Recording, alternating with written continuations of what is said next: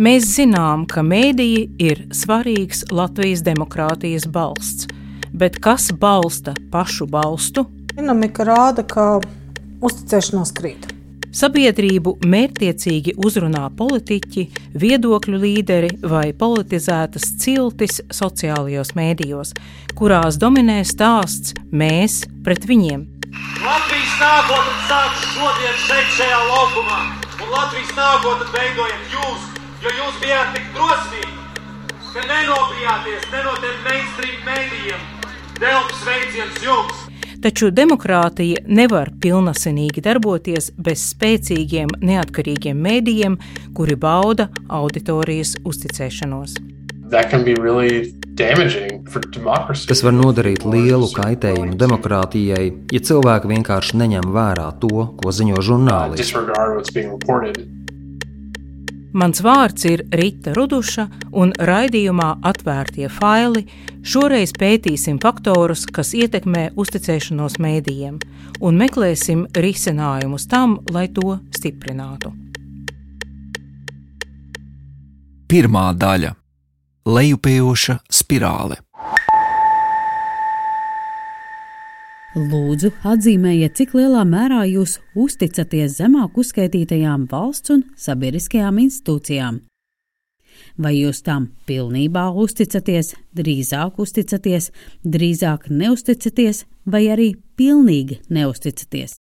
Tā skan jautājums, ko Sabiedriskās domas pētījumu centra SKDS intervētājs uzdod respondentiem gada no gada, nemainīgā formulējumā un tādēļ, ka formulējums palicis nemainīgs, ir iespēja salīdzināt 21. gadu ar laiku pirms desmit gadiem un konstatēt, ka uzticība krītas. Sāksim ar televīziju. Kopīgo ciparu gan sabiedriskajai, gan komerciālajām. Datus skaidro Tirgus un sabiedriskās domas pētījumu centra SKDS projektu direktore Ieva Strode. Desmitajā gadā bija 65%, kas uzticējās, un, un tagad, tagad uztic 48%. Ziņu portāliem arī kritums. Internets, jā, nu, internets ir īstenībā joprojām pa kārtu zemāk viņiem uzticas nekā mm -hmm. televīzijai. Ja bija 2010. gadā bija 44%, tagad ir vairs tikai 33% bet tas tomēr ir labāks rādītājs par politiskajām partijām, kurām ir bijis stabili zems uzticēšanās reitings, kas reizēm nokrīt līdz viencipara skaitlim, bet šobrīd ir šāds. Politiskajām partijām, kam uzticas 13%. Ir vērts pieminēt politisko partiju procentus, jo Latvijā ir vienmēr pastāvējusi saikne starp uzticēšanos demokrātiskajām institūcijām, saimai, partijām un uzticēšanos mēdījiem. Sabiedrisko mēdīju ombuds profesore Anna Rožkalne. Mums ir ilgstoši bijis ļoti zema uzticēšanās ar politiku saistītām institūcijām, partijām, saimai, valdībai, un Latvijas problēma attiecībā uz medijiem un īpaši uz sabiedriskajiem medijiem ir to politizācija vai nereti arī valstiskošana, sasaistīšana it kā ka tie būtu nevis neatkarīgi kā atsevišķa apakšsistēma starp citām nozīmīgām uh, sabiedrības uzbūves sistēmām, bet daļa no tā, līdz ar to tā neusticēšanās pieredums var tikt attiecināts noteiktās sabiedrības skatījumā uz Latviju Lai gan metodoloģija atšķiras, līdzīga uzticēšanās dinamika medijiem un demokrātijas institūcijām Latvijā vērojama arī pagājušā gada Eirobarometra aptaujā. Saskaņā ar Eirobarometru kopš 20. gada rudens palielinājusies neusticēšanās radio, televīzijai un internetam. Politiskajām partijām šajā aptaujā rādītājs ir kritiski zems institūcijām uzticēšanās dramatiski zūd. Saka Latvijas Universitātes Filozofijas un socioloģijas institūta vadošais pētnieks Andris Saulītis, kurš šo neusticēšanos lielā mērā saista ar politisko komunikāciju sociālajos tīklos, bet šai tēmai mēs pievērsīsimies nedaudz vēlāk. Tātad tendence ir ar mīnuszīmi, un, ja veicam tradicionālo salīdzinājumu ar kaimiņiem, mūsu cipari ir zemāki. Bet kādēļ šie skaitļi, kurus audio formātā turklāt ir pagrūti uztvert, ir būtiski? Pirmkārt, Mēdī nevar pastāvēt bez uzticēšanās. Mēdījiem nepieciešama auditorija, lai tie spētu funkcionēt. Tu gribi, lai auditorija tev uzticas, jo ceri uz to, ka viņi kļūs par abonentiem vai biedriem un finansiāli atbalstīs tavu organizāciju. Arvien vairāk medijiem tas kļūst kritiski svarīgi, jo reklāmas tirgus ir būtiski mainījies. Tā Reuters institūta vecākais pētnieks un viens no globālā mēdīju pētījuma Digital News Report autoriem Benjamins Stoffs. Un otrkārt, neusticēšanās ir kaitīga demokrātijai. There is something unique about what um, independent Ir kaut kas ārkārtīgi unikāls tajā, ko neatkarīga, uzstājīga žurnālistika nodrošina sabiedrībai, pārbaudot informāciju, mēģinot saprast notiekošā būtību un saucot ietekmīgas personas un interešu grupas pie atbildības. Taču šādai žurnālistikai nozīme ir tikai tad, ja sabiedrība tic tam, ko lasa.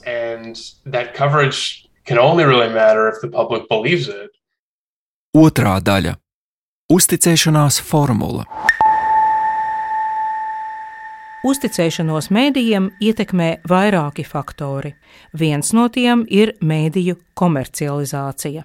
Mēdījiem intensīvi jācīnās par auditoriju, jo tradicionālais mēdīju ieņēmumu modelis, kas balstījās uz reklāmas ieņēmumiem, vairs nefunkcionē. To ietekmējuši divi faktori - lielā finanšu krīze un straujais interneta patēriņa un sociālo tīklu lietošanas pieaugums.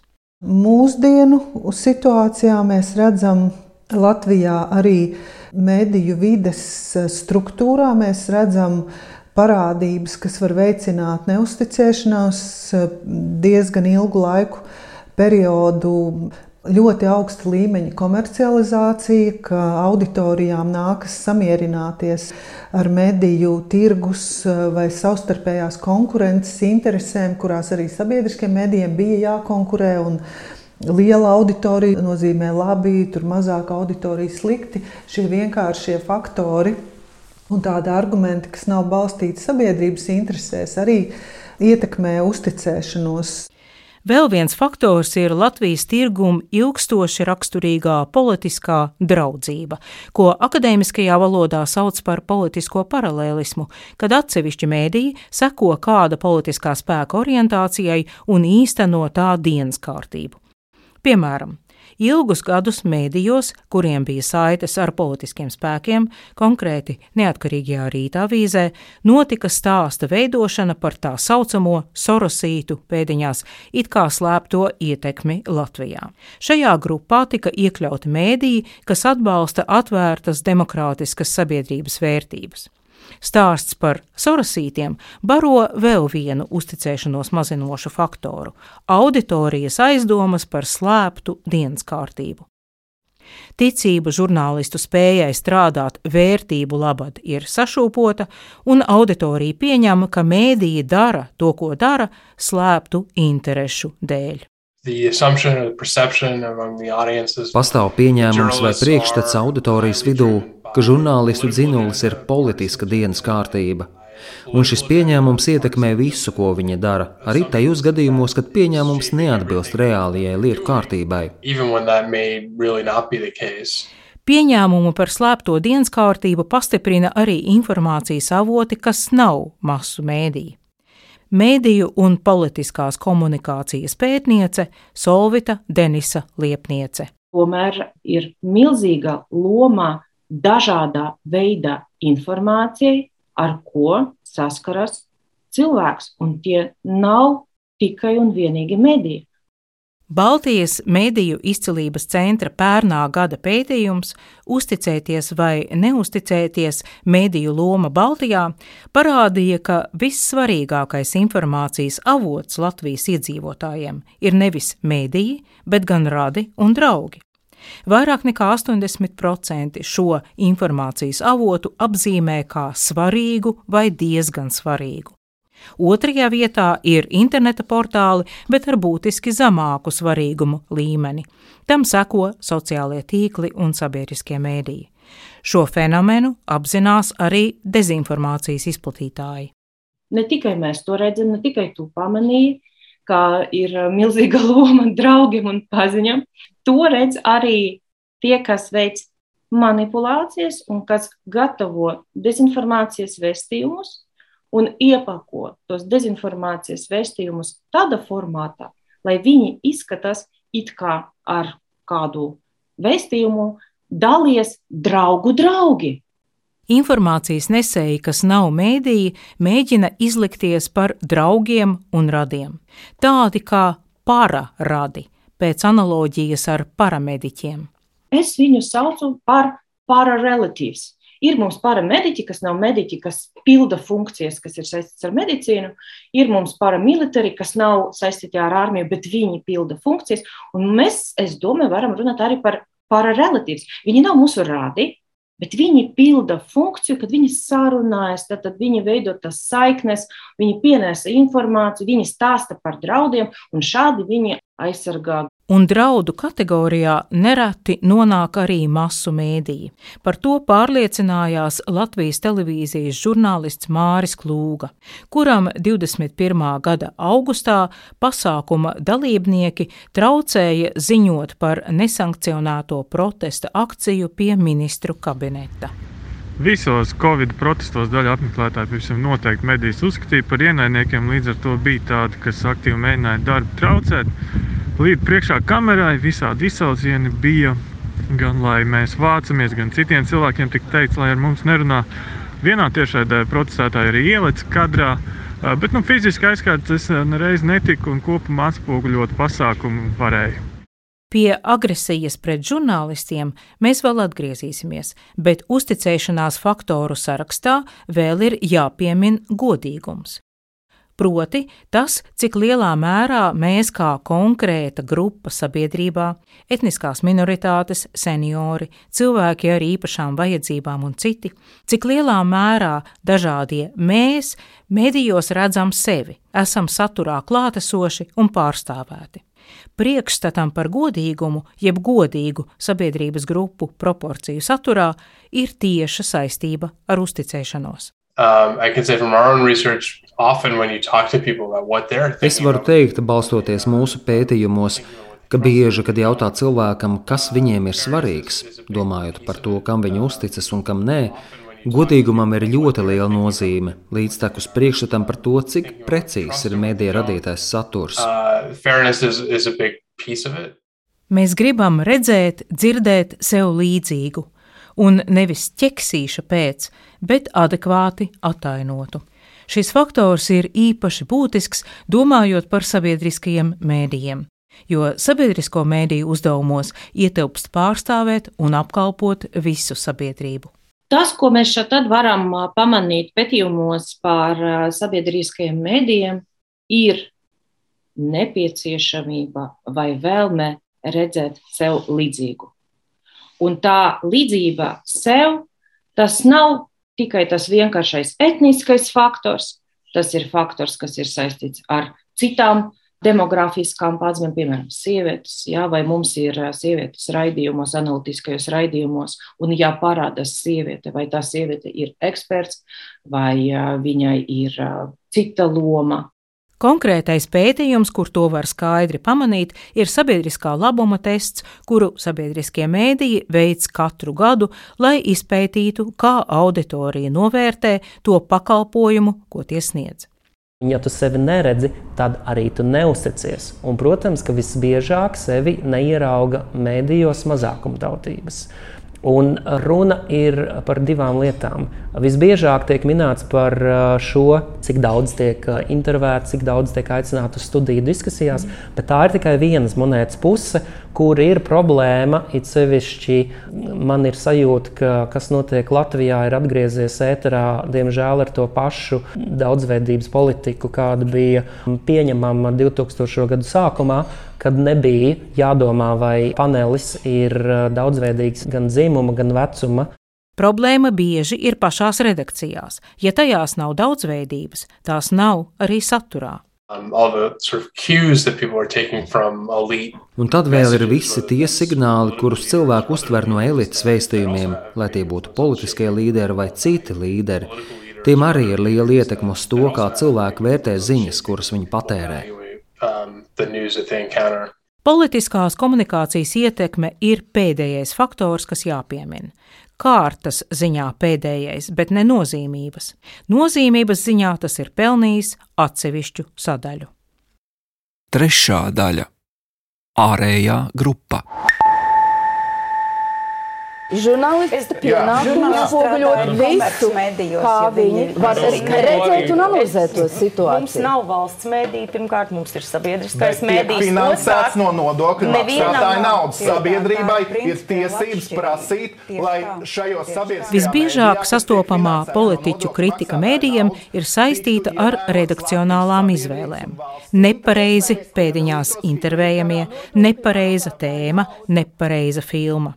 Piemēram, šī gada aprīlī aizsardzības ministrs Artis Pabriks publiskā vēstulē sabiedrisko mēdīju regulātoram kritizēja Rus LSM interviju ar krievu žurnālistu Leonīdu Ragozinu, kurš dzīvo Latvijā un ir bijis pētnieciskās žurnālistikas centra Rebaltika ārštata autors. У нас сегодня в гостях независимый журналист Леонид Рогозин. Здравствуйте. Добрый день, Алексей. Vēstulē, kas bija rakstīta uz aizsardzības ministrijas oficiālās veidlapas, bet vispirms publicēta sociālajā tīklā Twitter, viņš Ragozinu nosauca par iespējamu Krievijas ietekmes aģentu. Ministrs izteica domu, ka pēc šādām intervijām sabiedriskiem mēdījiem pēc apvienošanas papildu nauda nesot vajadzīga. Andris Saulītis to komentē šādi. Jā, nu, brīdī, kad es ieraudzīju Arta Pabrika paziņojumu, man radās šaubas, vai viņš savu doktora grādu ir ieguvis Dānijā, Orhusas Universitātē vai Maskavas valsts administrācijas skolā. Tāpēc šāda sasaiste starp to, ka man ir šaubas, tāpēc es mazināšu finansējumu, ir vairāk raksturīga sevišķi no politiķa, kurš atrodas lēmējvarā Dānijā kaut kas tāds vispār, manuprāt, nebūtu iespējams. Un, nu, runājot no aizsardzības ministrijas pozīcijām, man šķiet, izmantojot alegoriju, ja armija neizpilda kādu uzdevumu kvalitatīvi, tad tajā brīdī tu nesamazini finansējumu armijai, bet centies to stiprināt. Pabrika vēstules dēļ Eiropas preses un mēdīju brīvības centrs laida klajā brīdinājumu par preses brīvības apdraudējumu Latvijā, bet vēstules adresāts Sabiedrisko mēdīju padome Pabrika izteikumos saskatīja politisko spiedienu. Svarīgi ir tas, ka Pabriks savas oficiālās vēstules publiskošanai izvēlējās tieši sociālos tīklus. Pētījumi apliecinājuši, ka sociālie tīkli veido auglīgu augsni populistiskai komunikācijai un ļauj politiķiem apiet profesionālos mēdījus priekšvēlēšanu laikā. Latvijā Celmlauzis sociālo tīklu izmantošanā populistiskiem vēstījumiem ir kādreizējais partijas KPVLV, vēlāk likums un kārtība politiķis Aldis Gobzems. Tieši Gobzems bija tas, kurš tiešā un pārnestā nozīmē sāka rādīt ar pirkstu uz mēdījiem kā uz viņiem pēdiņās, ierindojot tos pie pretiniekiem. Mēs par delfiem varētu kaut ko pateikt Krieviju uzreiz. Jā, Gobzems kopā ar, ar kaimiņu veiksmīgi pārkopējot tādas globālās tendences ienesa Latvijas politiskajā vidē ļoti mērķiecīgu populistisku komunikāciju. Es piedaru pie tiem, kas populismu neskata kā politisku ideoloģiju, bet redz, kā dažādi politiski spēki, arī nu, tādi varbūt racionāli domājoši, mūsdienu ļoti dinamiskajā komunikācijas vidē izmanto populistisku komunikāciju. Anta Rožakalni skaidro, ka šādā komunikācijā sabiedrība tiek sadalīta divās grupās, proti, nevainīgajā, iekšējā grupā, kas ir mūsējie un kurus mēs aizstāvam, un vainīgajā, ārējā grupā, kura apdraud nevainīgo un neļauj tai īstenot savu potenciālu. Piemēram, fragments no Latvijas televīzijas 2018. gada vēlēšanu diskusijas. Runā partijas KPVLV, kas tagad jau sadrupusi, viens no līderiem Atis Zakatistovs. Manuprāt, Daļēji pie vainas ir sabiedriskie mēdīji ar savu tendenciozo ziņu pasniegšanu. Jo tas, kas ir noticis cilvēkiem, ir tiešām sagrozītas galvas, un viņi netic nekām. Un daļēji, manuprāt, jūs esat pie vainas. Šāda veida komunikācijai ir raksturīgas trīs īpašības. Tas ir emocionalitāte, tiek uh, satricināts cilvēka emocijas, viņi tiek uztraukti, moralizēšana. Populisti visu laiku parāda savu morālo pārākumu pret to ārējo grupu, kas ir morāli nosodāma. Un trešais - agresīva komunikācija, tādi uzbrukumi, vajāšana. Rīgas Stradiņa Universitātes pētījumā par KPVLV komunikāciju Facebook vidē Rožukalne izpētīja, ka 35% kritisko ierakstu Gobzema Facebook profilā bija veltīti tieši mēdījiem. Ārējās grupas vaininieks pie nepietiekamas pandēmijas vadības, pie nepietiekoša patriotisma sabiedrībā ir vainīgi mēdīji. Līdzās vainīgā birkas karināšanai mēdījiem kopumā, šāda taktika sevī ietver arī agresīvus verbālus uzbrukumus žurnālistiem. Mēs redzam, cik nu, tādā klasiskā, pārliecinošas digitālās komunikācijas stilā tas viss notiek. Tiek izvēlēts žurnālists, viņš tiek zīmogots, momentā apzīmogots, vai nu viņš ir Kremļa aģents, vai viņš ir Sorosīts, vai abi kopā. Šāda retorika baro neusticēšanos mēdījiem un rada arī taustāmu apdraudējumu žurnālistiem. Par incidentu nesankcionētās protesta akcijas laikā pērn pie valdības nama stāsta portāla Delfi sociālo tīklu redaktors Jānis Sildniks. Viņš parādīja tam ilgi nokaitētajam pūlim uz mani pirkstu un piesauca, jā, ka re, kur ir tie delfi, kas Lielam jūs apzog un jūs muļķo un raksta dezinformāciju un ir varas pakalpiņi. Un tajā brīdī, protams, tā auditorija, kur to klausījās, viņi nebija sajūsmā par manu klātbūtni tajā pasākumā. Nebija tā, ka tās būtu kaut kādas fiziskas konfrontācijas, tur kaut kas tur nedaudz tur paraustījās aiz jakas, vairāki tur kaut ko pakliedza virsū. Un, tādā garā, taču, protams, tā sajūta bija ārkārtīgi, ārkārtīgi nepatīkama. Un arī pēc tam māju ceļā arī nācās dzirdēt dažādas replikas savā virzienā. Siltniks ir piedzīvojis visdažādākos mītīņus un demonstrācijas, daudzkārt bijis pie tās augtā uzvaras pieminekļa 9. maijā, bet nekad nav saskāries ar šādu agresiju.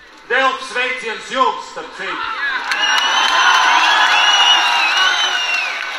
Mēdīju pieskaitīšana ārējai grupai ieviesusi izmaiņas reportiera ikdienā. Nu, ļoti skaidrs piemērs līdz tam, kur mēs esam aizdzīvojušies, ir tas, ka šobrīd uz šādiem piketiem, dodoties reportēt, man kā Delfa žurnālistam nāk līdzi miesasargs. Un tā nav kaut kāda simboliska iegriba, tā ir, šo, ir tīpaši pandēmijas laikā, tā bija reāla nepieciešamība. Digitālā vide naidīgu pret mēdījiem vērstu komunikāciju būtiski atvieglo, un algoritmi palīdz polarizētai retorikai izplatīties tālāk. Ceturtā daļa - mājas darbi. Lai mainītu naidīgas, uzticēšanos graujošas komunikācijas izplatīšanās ātrumu un apjomu, ir nepieciešams koordinēts darbs starptautiskā mērogā, pieprasot sociālo tīklu lielāku atbildību par tajos izplatīto informāciju. Taču ir daži mājas darbi, kurus iespējams veikt šeit pat Latvijā, mēģinot uzticēšanās ciparus paaugstināt. Piemēram, skaidrot redakcionālos lēmumus. Benjamins Tofs saka, Uzticēšanās tikai daļēji saistīta ar to, ko cilvēki skatās un lasa. Būtiska loma ir arī cilvēku priekšstatam par žurnālistu vai redaktoru nodomiem par ziņu medijiem kā tādiem. Kāda ir redakcionālo lēmumu motivācija, kā viņi izlēma, par ko ziņot un par ko ne? Tas ir jāskaidro. Līdzīgās domās ir Latvijas žurnālistu asociācijas valdes priekšsēdētāja Anna Platpīre. Droši vien, redakcijām būtu vairāk jādomā par to, kā skaidrot savus lēmumus un vispār līdz ar to arī veicināt mediju pratību sabiedrībā, jo mēs zinām, ka, piemēram, cilvēki bieži vien neizprot ziņas vērtību, ka šeit ir vairāk viedokļi un kādu no viedokļiem ir viegli uztvert kā mediju viedokli, līdz ar to vēršoties pret pašu žurnālistu vai mediju. Es domāju, tam dialogam ir ļoti svarīgi būt skaidram, precīzam un atvērtam. Nākamais mājas darbs ir kļūdu atzīšana, kam ir tieša saikne ar atbildību un attiecīgi ar uzticēšanos. Mēs, žurnālisti, reizēm kļūdāmies.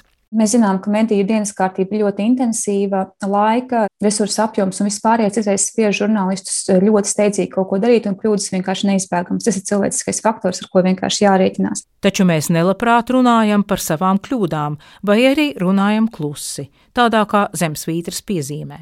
Žurnālistiem jāsaprot, ka kļūdu atzīšanā ir spēks, jo tas nozīmē ieraudzīt sevi savā daudzveidībā arī, ja tu prasi kļūdu atzīšanu no politiķiem, amatpersonām, no jebkura, ka tu esi spējīgs arī pats atzīt, un tas ir tavs spēks. Nevis, ka tev tā kļūda tur maziņiem burtiņiem vai ātri kā, kaut kur jānomurmulē, ka tik to kāds nepamana. Arī uzticēšanās lielā pīlāra, godīguma, uztveres ziņā paši mēdīji var daudz darīt. Sabiedrībā ir ļoti sarežģīts audums, un sabiedriskā mēdījā loma demokrātiskā sabiedrībā katram vai daudziem tam vilītēm, kas ir tajā audumā, tikt paradītam, identificētam bet svarīgi, lai katras vīlītes redzamība saturā būtu īsta. Andris Saulītis atgādina. Jēgpilna iesaistīšana nevis kā tikai skaista broša. Ir grūti pieņemt informētus lēmumus, ja neticam informācijai, kuru patērējam. Bez uzticēšanās nav vienotas izpratnes par realitāti, kuru apdzīvojam, un mums nav kopīga atskaites punkta publiskām diskusijām par jautājumiem, kas skar mūsu dzīvi. Un šajā gadījumā šeit ir ļoti trāpīgs Jonatana Haita, kas ir filozofa citāts no viņa esejas, kāpēc pēdējie desmit gadi Amerikas dzīvē ir bijuši unikāli stulbi, kur viņš saka šādi. Autokrātija var izmantot propagandu vai izmantot bailes, lai panāktu uzvedību, kur tā vēlas, bet demokrātija ir atkarīga no noteikumu, normu un institūciju visaptverošas pieņemšanas.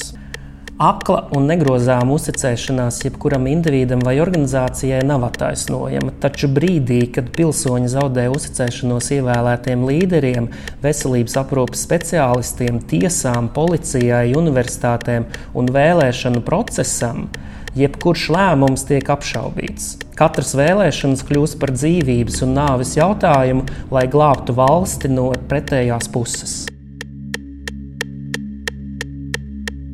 Raidījumu veidoja Rīta Ruduša, Filips Lastovskis un Nora Mitspapa. Atvērtie faili!